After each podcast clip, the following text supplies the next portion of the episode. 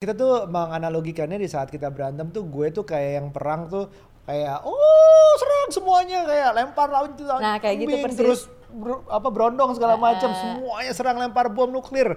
Kalau dia tuh kayak apa ya yang suku-suku primitif yang pakai silencer gitu terus mati gue langsung. Silent treatment tuh memang nggak ada konflik di depan mata, berisik, nggak ada kerusuhan, nggak ada tawuran di rumah. Tapi itu nggak bagus juga efeknya. Pokoknya nggak bagus buat kita, nggak bagus buat relationship, nggak bagus buat anak atau keluarga. Ya. Sedangkan Nucha kalau kita lagi berantem dia bisa Tidur. tidur. Dia bisa Nah. tidur. Justru tambah bikin gue marah tau nggak? Gimana sih? Bisa, kok bisa sih tidur? Kamu nggak mikirin ya betapa beratnya masalah kita sekarang kamu bisa tidur? Nggak, karena aku bisa menjabarkan, Oh. menjabarkan secara detail dan menuliskan, membreakdown segala kesalahan dengan akar-akarnya. Luar biasa. Dia presentasi kali waktu itu rasanya tuh. Jadi salah kamu adalah next.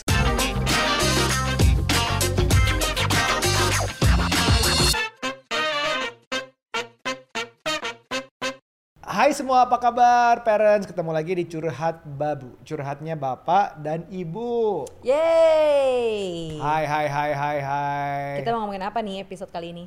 aku nggak suka deh baju kamu hari ini Kenapa? Nggak apa-apa pengen nyari berantem aja nggak ya Kalau berantem tuh gini. Wih, wih, wih, kayaknya nggak pernah nih.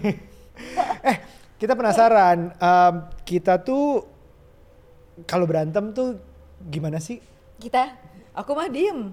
Iya, kalau aku teror, Iya. teror, tat tat tat tat tat gitu kan iya. saya kayak. Tapi nggak seru lagi diceritain orang gue diem aja terus gimana dong? Iya, nah, ada yang diceritain dong di sini. iya, tapi tapi timnya nyuruh kita bahas berantem. Oh iya, Gimana dong? kita pura-pura ribut aja yuk. Aduh. Nah, berantem itu adalah apa ya? Berantem tuh nggak enak sih, udah jelas. Ya. Nah, beberapa kalau kita share cerita kita berantem gimana, sebenarnya eh, udah jelas waktu di awal nikah tuh terbentuk Nucha itu tipenya diem, tipenya fly. Silent treatment. Iya, gue tipenya nyerang terus sampai masalahnya selesai. Berharap ini kan ada masalah harus selesaikan sekarang dong, mau dibawa ke mana apa segala macam. Ya. Sedangkan Nucha kalau kita lagi berantem dia bisa Tidur. Dia bisa Nah. tidur, justru tambah bikin gue marah tau nggak? Gimana sih? Bisa, kok bisa sih tidur? Kamu nggak mikirin ya betapa beratnya masalah kita sekarang kamu bisa tidur? Dan ternyata kalau dilihat-lihat nih, kenapa gaya berantem kita tuh bisa beda? Gaya apa ya, menenangkan diri kita pada saat eh, kita marah tuh Iya. bisa beda. Itu sebenarnya kayak kayaknya nih lebih karena gimana cara orang tua kita dulu waktu kita Nah. kecil di rumah. Ini kita baru menyadari ya berapa Iya, tahun kita lalu baru ya. menyadari lah gitu ya. Ternyata mungkin dulu tuh memang orang tuaku lebih ke silent treatment gitu. Di rumah tuh aku jarang banget dengar yang berantem gitu itu nggak ada. Mungkin hampir nggak ada lah yang kayak gitu-gitu tuh.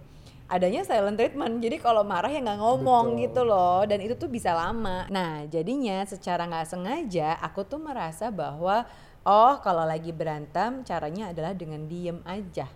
Gitu. Dulu waktu kecil nganggapnya itu masalah selesai dengan diam Iya, ya. dan itu kebawa ternyata sampai aku gede gini berumah tangga. Oh, baru tahu kayak gitu.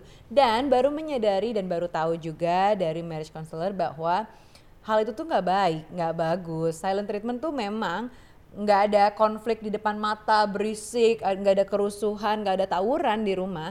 Tapi itu nggak bagus juga efeknya. Pokoknya nggak bagus buat kita, nggak bagus buat relationship, nggak bagus buat anak atau keluarga. Nah, dan persis banget yang Nucha bilang yang terjadi di masa kecil gue adalah orang tua gue kalau berantem rame, Oh gitu. rame. Alah, Kok baru tahu? gimana sih udah tahu gitu udah diomongin. Nggak, Iya. aku lupa. Iya, jadi Oh, rame. gitu. Kamu kan kenal ibuku memang memang gimana sih? Jadi rame. Memang harus kalau lo menyelesaikan masalah uh, walaupun mereka kadang di kamar ya nggak kedengeran, tapi kan masih ada tuh Oh, pintu ketutup gitu. masih ada kedengarannya. Jarang, nggak nggak sering-sering juga. Cuman ya aku ingat kalau masalah harus selesaikan cepat. Termasuk cara orang tuaku marah ke aku. Pantesan kamu teror banget ya. Oh iya, terornya cing. Aku memang begitu. Asli, Jadi- nah, kayak harus gitu. Jadi di saat itu eh, kita sama-sama belajar. Alhamdulillah mungkin sekarang ket- kayak ketemu di tengah. Karena dia flight, fight antara fight atau flight ya memang harus diomongin betul. Tapi nggak harus diomongin saat itu juga bisa jadi gitu. Iya benar benar.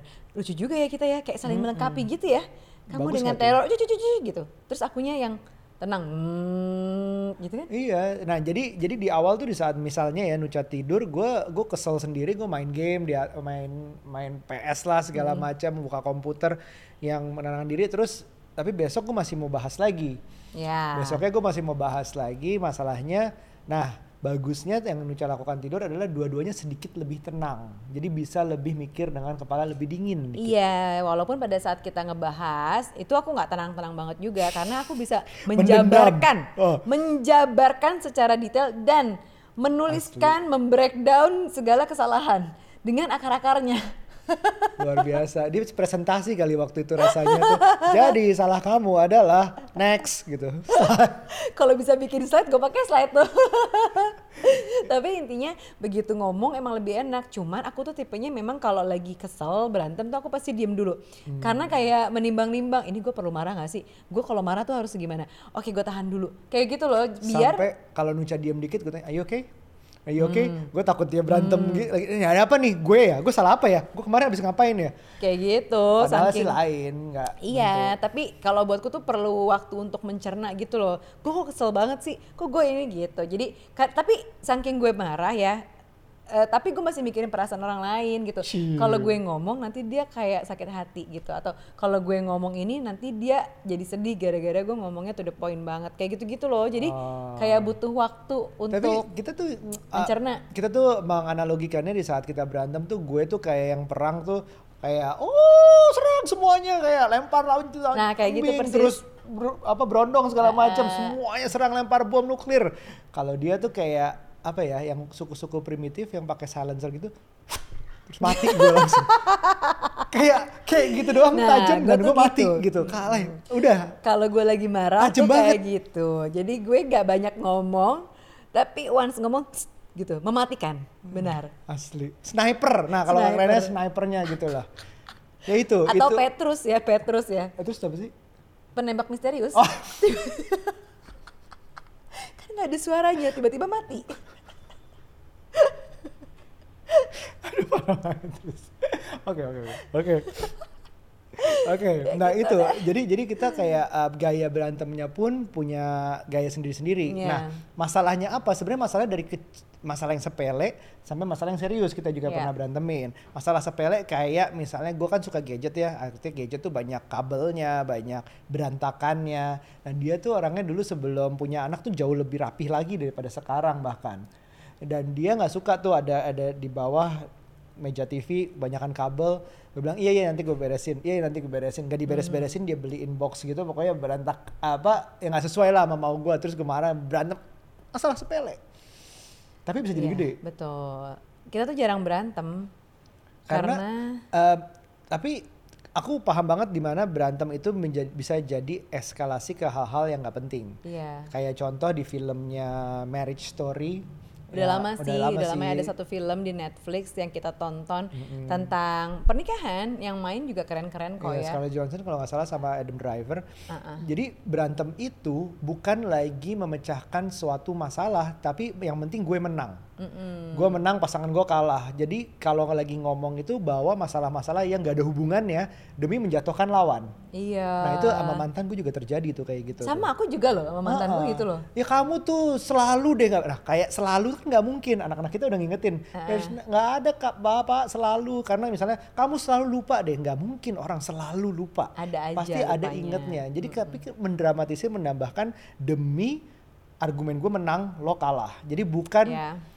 Sebagai pasangan tuh kita lawan masalah tapi gue lawan lo. Nah itu Hmm. yang bikin uh, marriage tuh jadi apa fight tuh jadi berantakan gitu, lebih parah iya. lagi. Iya sih, ya itulah jadi sebenarnya kita jarang berantem jadi nggak seru nih ya. Heh, Eh, tapi nggak. hati-hati. Oh iya iya hati-hati nggak. Maksudnya nggak ada yang diceritain. Nggak nggak. Tapi maksudnya gini loh bab. eh, apa kita jarang berantem. Tapi aku tuh suka banyak kesel-kesel kecil-kecil gitu. Tapi aku diem aja. Ini maksudnya mau dikeluarin nih sekarang semua kecil Kesel banget kalau minta tolong tuh lama gitu. Terus kayak apa? Aduh ngom- ngomong tuh kayak ada delay gitu tuh lama banget. Kayak lagi telepon keluar kota tau nggak pakai wartel. Kamu tahu wartel Gak nggak? ada, gak ada yang relate sama wartel. Lama banget gitu loh kalau ngobrol. Iya, well sama. Aku juga ada kesel-kesel. ini, ini, ini, ini percikan-percikan mau berantem bentar lagi. Nih. ini sengaja bikin kita berantem di Asli nih, ini yang bikin topik nih Aduh, ngeri banget nih. Nah, iya. kalau kita ngomongin eh, berantem, Hmm. itu juga apa sih yang bikin baikan? Ah, bikin baik kan? Nggak ada. Minta maaf. Kalau Min- oke, minta kalau kita sih. berantem, siapa yang minta maaf duluan? Kamu mau salah benar. Pelan-pelan dong, mikir dulu dong setidaknya kasih waktu buat mikir dulu. Siapa ya waktu itu terakhir kayaknya kamu deh. Lebih halus gitu loh nggak menjatuhkan gue. Enggak, enggak, Ya. enggak, ya, ya. Tapi aku paling susah ngomong minta maaf sih. Kenapa tuh? Nggak tahu deh, karena buatku aku nggak salah. Ya memang minta maaf yang ucap bisa dihitung pakai jari sih. Ya jadi karena aku jarang salah. jari jari ayam cuma empat gitu. Jarang salah Terus kan aku.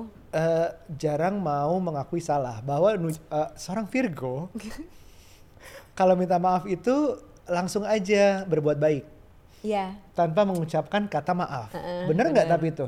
Ya Harus- benar juga sih. Nggak maksudnya boleh nggak kayak gitu? Nggak boleh.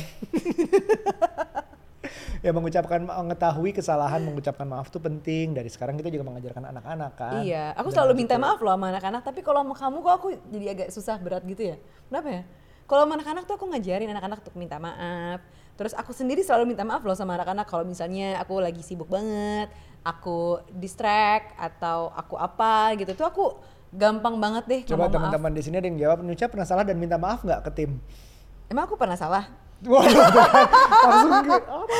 Nah, memang ini uh, ini ini curhat babu ini namanya curhat ya, bukan bukan pendapat expert psikolog dan segala macam. Emang cara yang baik tuh seperti apa? Enggak, bukan, enggak. jangan Eh, diikutin. aku tuh minta maaf tahu. Maaf, maaf gitu. Sorry, iya, sorry. sama anak-anak doang. Enggak, sama tim juga iya. Oh iya, oke, Sama oke, kamu doang kenapa berat ya? Karena Oh, paling cinta berarti. ya deh mungkin. mungkin. Nah, oke. Nah, sekarang kita Oke. Kita udah punya anak sekarang. Iya, udah tahu. Gamenya, gamenya beda. Heeh. Ada yang pernah ngajarin aku ah, kalau berantem jangan di depan anak-anak. Nanti uh, anak-anak itu merekam gimana buruknya hubungan orang tuanya. Ya. Nah, sebenarnya yang aku pelajari juga ternyata nggak selalu itu benar. Tergantung dari pertama Mhm. Berantem tuh sekali-sekali berargumen ya bukan berantem mungkin berargumen depan anak tuh penting karena anak-anak katanya akan melihat bagaimana orang tuanya pun punya kekurangan punya ketidak eh, Sempurnaan. kesempurnaan dan perbedaan pendapat Ya. dan yang penting juga adalah bagaimana menyelesaikannya di depan mereka Betul. jadi oh misalnya Nucha minta maaf di depan ke gue di depan anak-anak nah itu penting sekali-sekali ditunjukin Boleh, boleh. Acting aja. Enggak Nggak? beneran Oh, dong, beneran. Mak. Boleh, Jadi kalau kalau Nucha salah terus minta maaf depan anak-anaknya gitu ke gue atau sebaliknya. Jadi tujuannya adalah anak-anak belajar hal itu.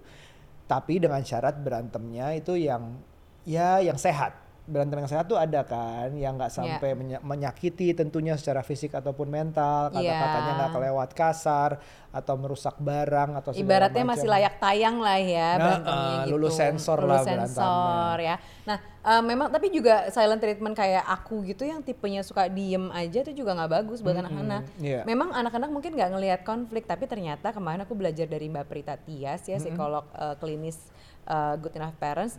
Beliau tuh juga menyampaikan bahwa kalau silent treatment itu vibe-nya ke bawah juga ke anak gitu loh. Jadi bukan berarti nih kita pengen mengurangi konflik dengan pasangan Iya, dengan cara silent ya. treatment dan diem aja. Tapi ternyata anak-anak tuh bisa menyerap vibe orang tuanya gitu loh. Kalau kita diem-dieman, kita nggak komunikasi, kita nggak hangat sama pasangan, itu tuh kerekam ke anak-anak gitu. Iya, betul. Jadi nggak baik. Jadi mau konflik yang berargumen ribut banget sampai lempar-lemparan panci itu nggak baik. Tapi juga kalau diem-dieman aja juga nggak baik. Iya, jadi sesekali tunjukkan berargumen, sesekali tunjukkan ketidaksempurnaan dengan dengan dengan terkontrol, lalu memecahkan masalah di depan mereka juga atau Yes. menjelaskan setidaknya. Misalnya karena emosi udah terlanjur beres masalahnya tapi suatu saat harus dijelaskan kamu ingat kemarin bapak sama ibu beda pendapat Ya. nah itu tuh karena ini dan sekarang iya ternyata harusnya begini dan kita udah beres sekarang gitu-gitu mungkin bisa dijelaskan Betul. apalagi untuk anak yang mulai mengerti mulai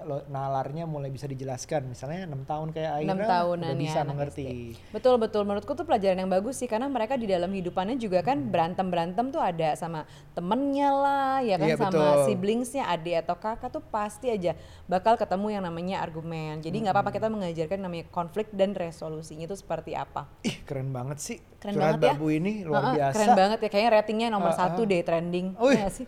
Wow, oke, ambisius. Oke, nah sekarang em, gimana kalau kita selesaikan podcast ini dengan berantem? Jangan.